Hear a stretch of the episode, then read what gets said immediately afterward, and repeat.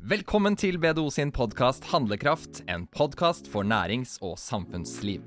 Du vil lytte spennende og aktuelle tema knytta til bærekraft, og møte kunnskapsrike og engasjerte gjester som vi håper du vil lære noe av. Tips og triks om bærekraft det får du også. Jeg heter Gro og jobber med bærekraft internt i BDO, og hjelper kundene med bærekraftig forretningsutvikling.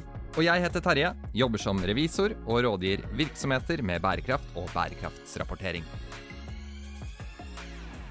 I dag så skal vi snakke mer om bærekraftsrapportering. Og vi har med oss en veldig spennende gjest, mm. Jan Petter Lindbakk.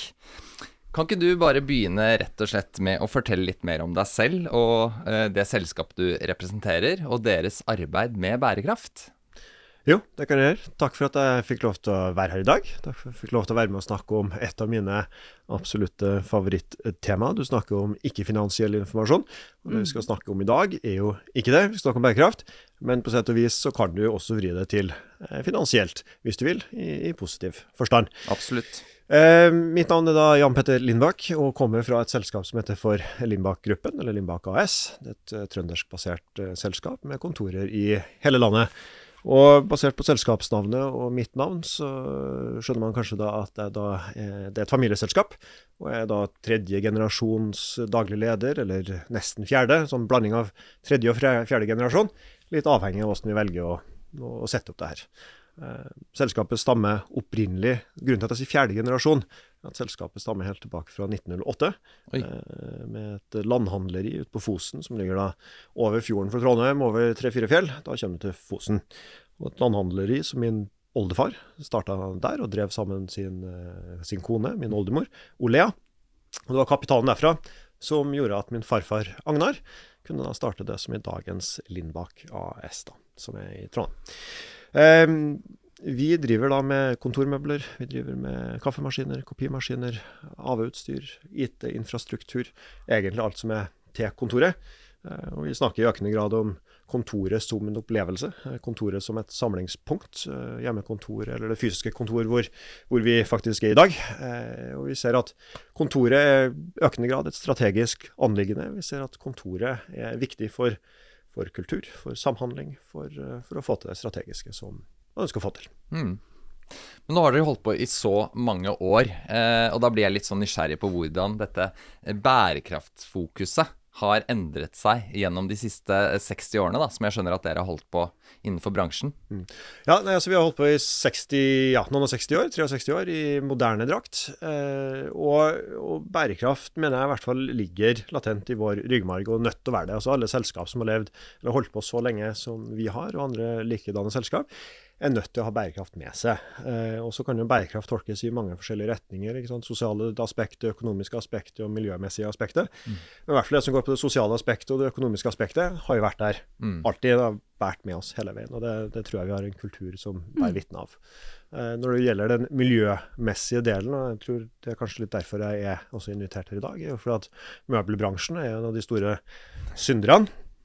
Og har vært det lenge. Og det har satt ekstra fokus på det de de siste årene. Ja. Uh, og med det fokuset så kommer jo da også et, et økt fokus og ønske fra oss også til å, til å endre oss. Mm. Um, det var jo dette sløsesjokket som gikk på NRK for et halvt år siden, trekvart år siden, mm. med, med, Trygve Slagsvold Vedum. Mm. Og gikk gjennom da en del uh, Jeg tror jeg var på besøk hos et Nav-kontor ja. og så på litt, uh, litt uh, hvordan man behandler møbler. Og etter det så har fokuset endra seg veldig mm. i, i, min bransje isolert sett. Mm. Men, men, ved siden av det så har det jo vært et, et et fokusskifte mm. i alle bransjer, egentlig. Og et fokusskifte også hos oss, eh, som vi har lyst til å være med på og gjøre noe med. Mm. Kan ikke du fortelle litt om den reisa som dere har hatt på bærekraft? Mm.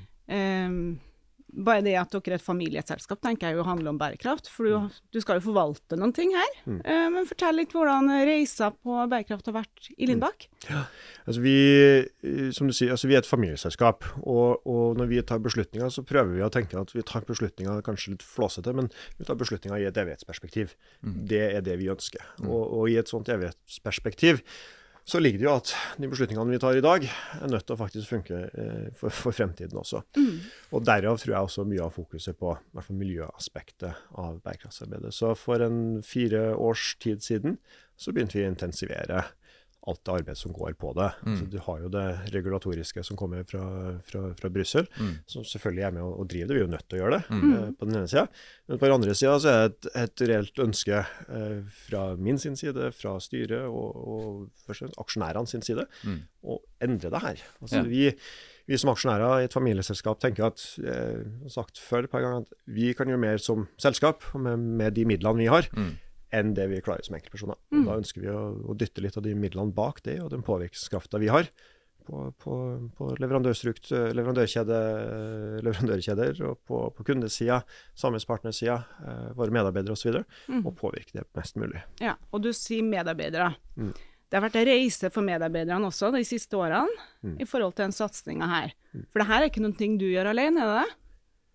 Nei, det ville jeg ikke hatt sjanse til i det hele tatt. Altså det, det er et omfattende arbeid. Eh, litt avhengig av hvordan du angriper det, men, men det, det er et omfattende arbeid. Hvis du har lyst til å gjøre eh, endringer i kultur knyttet til bærekraft, eh, sosialt, etisk, økonomisk miljø, Mm. så er du nødt til å faktisk gå, gå litt big på det. Til det. Og, og det vi har gjort, er at vi samla da egentlig veldig, veldig mange av våre medarbeidere, Mm. og var med på hele prosessen om hva skal vi fokusere på, hva skal vi rapportere på, eh, hva er viktig for deg, kjære kollega, hva er viktig for deg, kjære leverandør eller arkitekt, Mm. hvem det og så bygde opp en såkalt vesentlighetsanalyse for å finne hva er det vi skal fokusere på. Ja. Og, og deretter så har vi etablert et sett med det vi kaller for bærekraftsambassadører, Mm. eh, som er med da og hjelper oss å bygge dette, dette kulturarbeidet Mm. videre. Og Mm. Bærekraftsambassadører til oss er mennesker som skal ha litt mer kompetanse enn de fleste andre hos oss, og som skal fronte det, som skal fremsnakke kulturarbeidet, eh, bærekraftsarbeidet, Mm. og sørge for at vi er så gode som vi skal være på det, Mm. og at vi etterlever de, de kravene vi har satt oss sjøl. Mm. Men du sier jo at eh, vi handler med hjertet, og at dette er noe vi er Mm. opptatt av å brenne for osv. Uh, og så har du det regulatoriske, som du var inne på. Mm. Eh, I hvilken grad har dere på en måte kjent det på kroppen, disse eh, kravene og forventningene til at dere faktisk skal ha det på agendaen? Mm. Jeg vet jo bl.a. at dere leverer mye til det offentlige. Mm. Eh, er det noen spesielle eh, krav i den forbindelse som har gjort at dere må eh, ha fokus på dette, dere må rapportere på dette? Ja, altså i, i økende grad så har det vært et fokus, eh, både private og det offentlige. Eh, Det offentlige har nok ikke kommet så langt som de selv ønsker ennå. Eh, Det er en del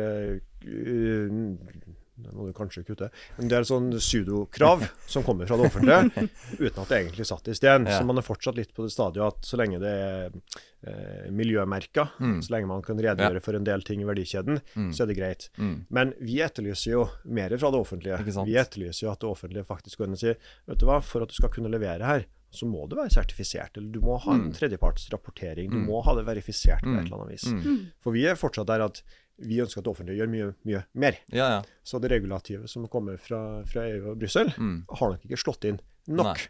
syns vi. Eh, men ja, tilbake til spørsmålet ditt. Mye av grunnen til at vi, vi valgte å, å gjøre det, eh, gjort det arbeidet her, er jo for at vi vet at det er i ferd med å komme. Ja. Mm. Og da ønsker vi å ligge et hestehode eller, eller ti foran. Være forberedt på det som kommer, rett og slett. Ja, for det kommer jo. Ja. Og, og, og da, da tenker vi at det er like greit å være, være klar for det som er i ferd med å komme. Mm. Har dere vært i anbudskonkurranser eller annet hvor det har vært et spesifikt krav å ha en rapport på bærekraft, f.eks.? Ikke et spesifikt krav Nei. på rapport, Nei. men vi har vært i flere anbudskonkurranser hvor, hvor det er positivt Mm. at vi har kommet dit Ja. vi har kommet. Ja. Fordi at vi har kommet en del lenger enn enn veldig mange andre. Mm. Gjelder det også de private, eller er det primært Altså- det offentlige? Nei, det, det er begge deler. Ja. Altså, også de private aktørene er underlagt en del regelverk i Mm. forhold til mm. antall ansatte eller omsetning osv. knytta til hva du må rapportere på. Mm. Og når de skal handle fra oss, så får vi i økende grad spørsmål ikke bare om pris og kvalitet og Mm. estetikk og at det funker, men Mm. også at vi kan dokumentere CO2 eller verdikjeden. Mm. Mm. Det drar oss egentlig over på litt sånn neste tema, dette med å kommunisere det arbeidet man gjør ut. Eh, og nå har du jo vært litt inn på det, eh, dette med bærekraftsrapportering. Fordi dere har jo holdt på med det siden 2019. Så dere er på det tredje året hvor dere rapporterer på bærekraft. Hva var på en måte motivasjonen for å komme i gang med, med det arbeidet?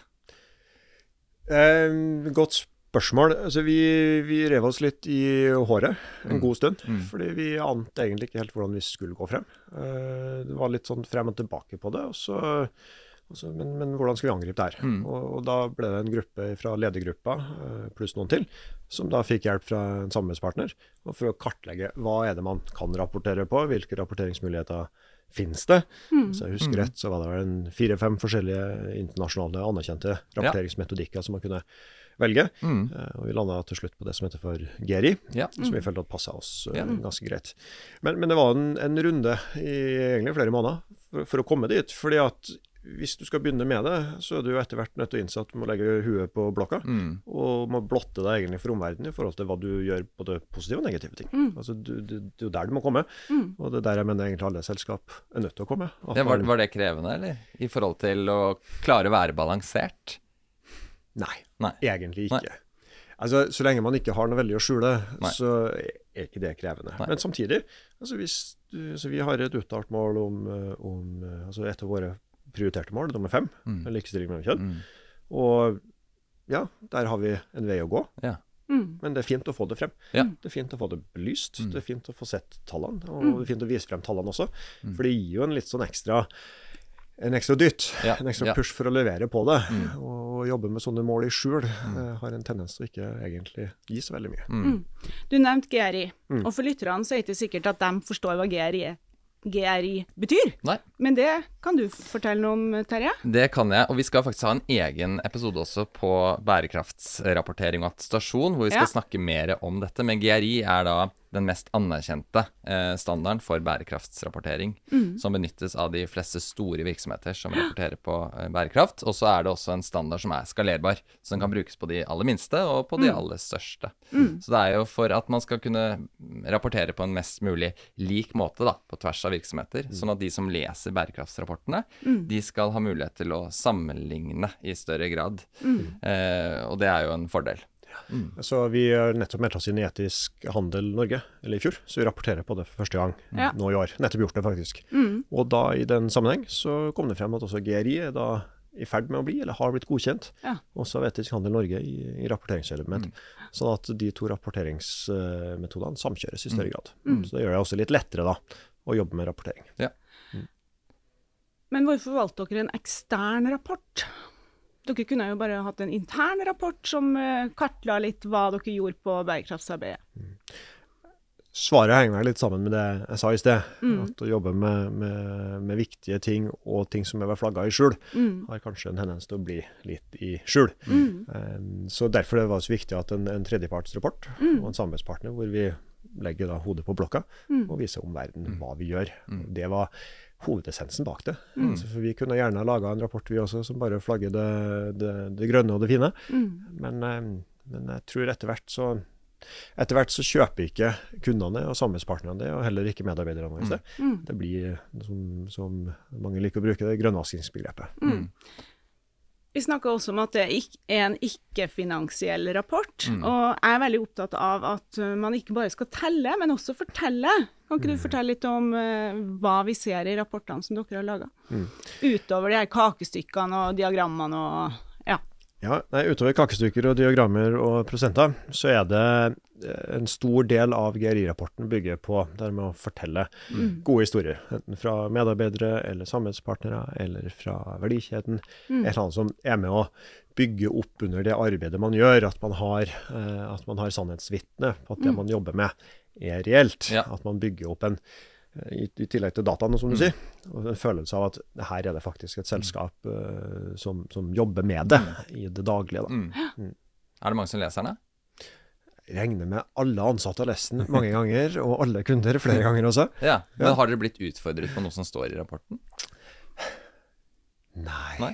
det tror jeg faktisk ikke. Det tror jeg faktisk ikke vi har.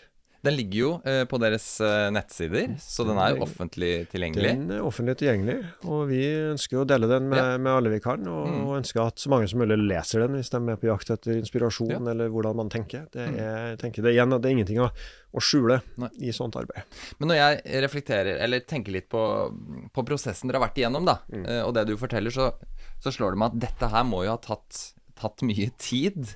Uh, og det koster sikkert uh, Ja, og det koster sikkert også litt penger. Mm. Hva, hvordan har dere kjent det på, på kroppen?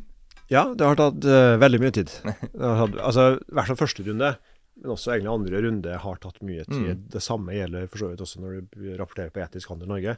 Altså Mm. Bærekraftsrapportering tar masse tid. Mm. Og når det er litt nybrottsarbeid også, så tar det jo ekstra mye tid, for du er ikke helt sikker på hva du skal ha med, og hva skal med og ikke med, osv. Men, eh, men vi satte av eh, ukevis og månedsvis med, med deler av konsernledelsen, mm. som alle sammen har sittet og jobba med det. Mm. Og det var viktig for meg i starten at vi ikke plasserte en, den siste ansatte gutten eller jenta i 20% stilling som skal bli bærekraftsansvarlig og lage Mm. rapporten for oss, for å lage en rapport. Det var viktig at vi alle sammen i konsernledelsen faktisk skjønner hva som står der, Ja. hva det betyr, eh, hvorfor er det viktig for oss, Mm. og, og gjort det på den måten der. Da. Mm. Så vi, vi fikk nok kanskje noen spørsmål i starten Ja. på, på hvorfor vi prioriterer det så, så hardt og så tungt. Mm. Men, eh, men ser nå i ettertid at eh, det var ganske riktig måte å gjøre det på. Mm. Og sørge for at det da blir en del av DNA-et til selskapet så fort som, Mm. så fort som mulig. Hvordan ser vi at uh, denne rapporten ikke blir noe som blir liggende i en skuff, da? Uh, F.eks. internt hos dere, jobber dere med rapporten i det daglige? Vi jobber ganske mye med den, Ja. uh, tror jeg sjøl. Mener jeg sjøl. Ja. Uh, vi har eh, hver 14. dag så har vi et lite allmøte. Vi med inviterer alle ansatte, og da går vi gjennom litt diverse ting og tang om selskapet. Mm. Og status på det ene og det andre. eh, og det er alltid en bit fra bærekraftsarbeidet. Ja. Om det er sosiale biten, eller om det er en historiefortelling, eller om det er Mm. noe på miljøsida, eller etisk sida, eller EPD, eller, eller hva det nå er. Det er alltid et eller annet med der. Mm. bærekraftsambassadørene har egne møter som ruller og går, og de prøver å bygge det opp. Eh, når vi rapporterer løpende, så trekker vi inn folk i det arbeidet der. Uh, I alle kundepresentasjoner som vi holder, så er det med. Mm. Uh, I alle anbud vi leverer, så er det også med. Mm. Så det er konstant der. Men, men som med alt annet du ønsker å formidle, da, så er du nødt til å, nødt til å formidle det hele Ja, tida. og gjenta det. Og gjenta og gjenta. Ja. Og, gjenta, og, og det er jo når det gjelder sånne ting, så er det jo ofte fra, fra litt høyt oppe i organisasjonen at det må konstant uh, Mm. diskuteres og, Mm. og hamres på det. Mm. Vi vet jo at dere har eh, rapportert nå i eh, tre år. 2019, 2020 og 2021. Holder på med 2021. holder på med 2021. Ja, på med 2021 ja. Eh, og så valgte dere i 2020 å få denne bærekraftsrapporten deres eh, attestert eh, av en eh, tredjepart. Mm. Eh, jeg jobber jo også med det, så det varmer jo en revisors hjerte. Eh, men hvorfor valgte dere å få en, eh, en attestasjon, en ekstern attestasjon av rapporten, og hva innebærer egentlig det for dere? Altså det går jo litt tilbake til eh, litt med her at vi ønsker at eh, det vi rapporterer på, er reelt. Det skal ikke oppfattes av noen, helst, som grønnvasking i det hele tatt. Mm. Så da er jo første steg å rapportere på en tredjeparts mm. rapporteringsmetodikk, sånn som, sånn som GRI, for å sørge for at det er ryddig og greit. Mm. Eh, men så dro vi et steg lenger da, og ba PwC om å attestere Ja. rapporten vår som en tredjeparts, totalt uavhengig, som ikke hadde vært borti prosessen før, ikke hadde sett det vi holdt på med, for å ta en, skikkelig dypdykk og passe på at det her er gjort etter, etter reglementet i forhold til Geri, Mm. og at alt er sjekka og gjort. På samme måte som du da eh, reviderer et, et vanlig regnskap, egentlig, for, å- for å sørge for at det er eh, så uhildet som, som mulig. Ja, fant de, fant de noe? Var det noe Nei, de måtte de- endre på? Nei, de, Ja, det var, nei, de fant ikke noe, noe vesentlig. Det gjør de ikke. Det var litt sånn uh, flikking her og der. Ja. Men de fant uh, ikke noe vesentlig, Nei. og signerte da på, på at den rapporten er utarbeida etter, etter alle forskrifter og, og gjort skikkelig, Ja. og at vi da kan stå med den. Og, så når vi da legger ut den, eller sender ut den, Ja. så kan vi da slå i bordet at den her er også godkjent av tredjepart. Ikke sant? Ble dere utfordret på noe Fikk dere med dere noen læringspunkter fra den prosessen som dere har tatt med dere inn i rapporten for 2021? Ja, det, det meste tror jeg nok går på det her med å ha ekstrem kontroll på dataene dine. Ja. Fordi at det å rapportere på GRI er ganske datatungt. Mm. Du er nødt til å ha tunga litt rett i Mm. munnen. Det er CO2-ekvivalenter både her og der. Ja. Du må vite litt hva du snakker om. Ja. Så, så lærepengen vår var kanskje at ha enda bedre kontroll på, på grunndataen. Mm. Ja. Altså, akkurat er Vi er miljøfyrtårn, ja. som også er med som en del av uh, rapporteringa deres. Det er riktig. Ja. Det er riktig. Så nå er det både GRI, og det er miljøfyrtårn, og det er etisk handel. Så Ja. det er hele, hele trioen. Det høres betryggende ut. Det gjør det. Ja. Slik jeg forstår det, så har jo bærekraft blitt veldig viktig for deres eh, virksomhet. Eh, ser du noen endringer i på en måte, eh, ja, virksomheten og Lindbakk da, i dag, etter at bærekraft har kommet så høyt opp på agendaen? Jeg tror det. Eh, jeg er ganske sikker på det. Altså, jeg, syns jeg ser og føler og hører en, en, en større grad av stolthet Mm. hos mange av dem som jobber her. Eh, hører når vi rekrutterer folk, Mm. at eh, de løfter det frem. Mm. I til, I rekrutteringsprosessen. i rekrutteringsprosessen. Ja. Altså, det har jo Mm. ofte vært fokus på det med verdibudskapet Mm. til selskapet, men, men jeg føler at vi har kommet et hakk lenger nå Ja. med det arbeidet vi har gjort. At det er mye tydeligere for alle som, som vil jobbe hos oss, eller hos oss, eller sammen med oss, Mm. at det her er det vi holder på med, og, og det gir en ekstra stolthet i hjertet. da. Og Mm. om å, så vi bruker det aktivt der. Mm. Ja.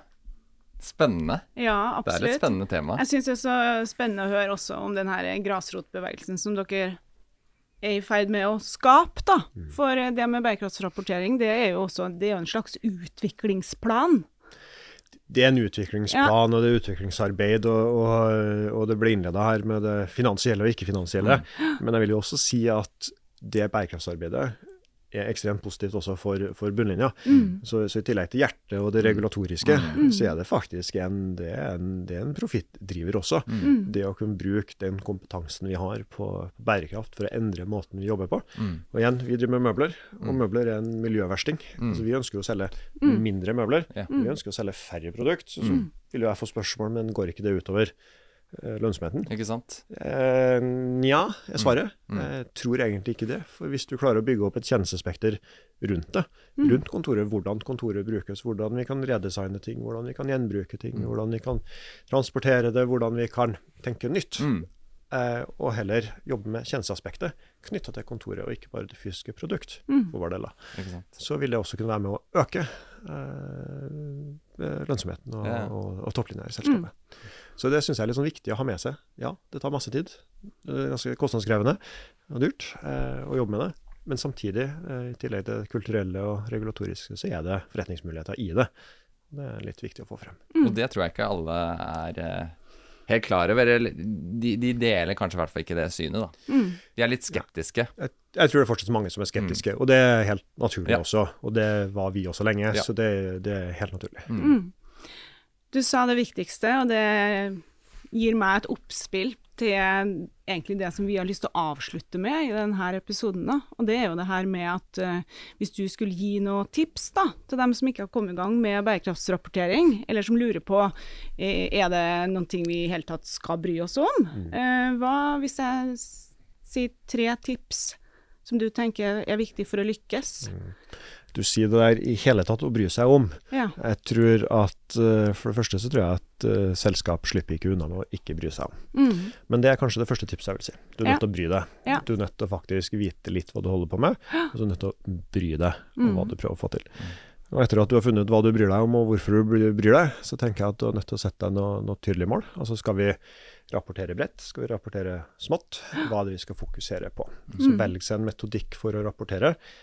Åpent, ikke lag din egen rapport, eh, mitt råd. Eh, og det tredje tipset mitt er når du har da funnet ut eh, hvorfor du gjør det, og Mm. bestemt deg for at du skal rapportere, så er det dette med kulturendringsarbeidet. Mm. Og det må skje fra toppen av ned, Ja. og ikke bare la det flyte. For det er viktig hvem som eier prosessen. Som med alt, Mm. så er det viktig hvem som er i prosessen. Mm. Men, men skal du få til kulturendring, så er det ikke noe tvil om at den prosessen må eies, eh, eies et stykke opp. Og da har jeg et bonusspørsmål på slutten Ja, som jeg spennende. lurer veldig på. Eh, det at dere har eh, satt bærekraft så høyt på agendaen, det gjør jo også at dere kan være med å eh, påvirke andre. Eh, og da tenker jeg særlig på leverandørkjedene deres. Hvordan har dere brukt den eh, kraften dere har da, som virksomhet, til å gjøre også en forskjell lenger ned i leverandørkjedene deres? Altså vi Innafor alt det kontoret så er vi nok størst i Norge. Mm. Og innafor møbel isolert sett så er vi også størst i Norge. Mm. Og det gir, som du sier, da, eh, en, en form for makt over Mm. Leverandørleddet. Ja, ja. Og overfor de norske produsentene, som de største er jo da Flokk og Årsland og Foraform, Mm. så jobber vi aktivt med dem hele tiden. Ja. Mm. Og for å påvirke dem til å sørge for at det finnes EPD, miljødokumentasjon, at vi pusher dem på underleverandørsida si, passer på at, eh, at det ikke er barnearbeid i et eller annet land som er komponentene som leveres til dem, osv. Så, videre. så vi ser nå egentlig ganske gode, eh, gode resultater fra det arbeidet. Og igjen som vi da kan kapitalisere på i, i anbudssammenheng og i kundesammenheng etterpå. Og så vet jo jeg at den reisa deres er på ingen måte over. Dere har jo mange spennende prosjekter som dere skal utforske videre. Både med ambassadørnettverket deres, men også med utvikling av tjenester. Så med det, Terje, Så takker vi for denne episoden. Dette syns jeg var utrolig gøy. eh, det gikk bra det her, Jan Petter? Ja. Takk. Ja. Ja, det var gøy. Ja. Og så håper jeg at uh, dere lyttere fikk noen eh, gode uh, innspill og tips da, til hvordan dere kan komme i gang med dette bærekraftsarbeidet selv. Til å skape litt handlekraft. Ja, og Ja. kanskje rapportere også på, på bærekraft og utarbeide en egen bærekraftsrapport. Så vi håper uh, vi høres i neste episode. Da skal vi også ha et nytt tema, og vi skal snakke mer faktisk om bærekraftsrapportering og konseptet rundt dette og attestasjon. Og da skal vi også ha en ny og spennende gjest. Det skal vi. Vi gleder oss. Takk for at du lyttet på.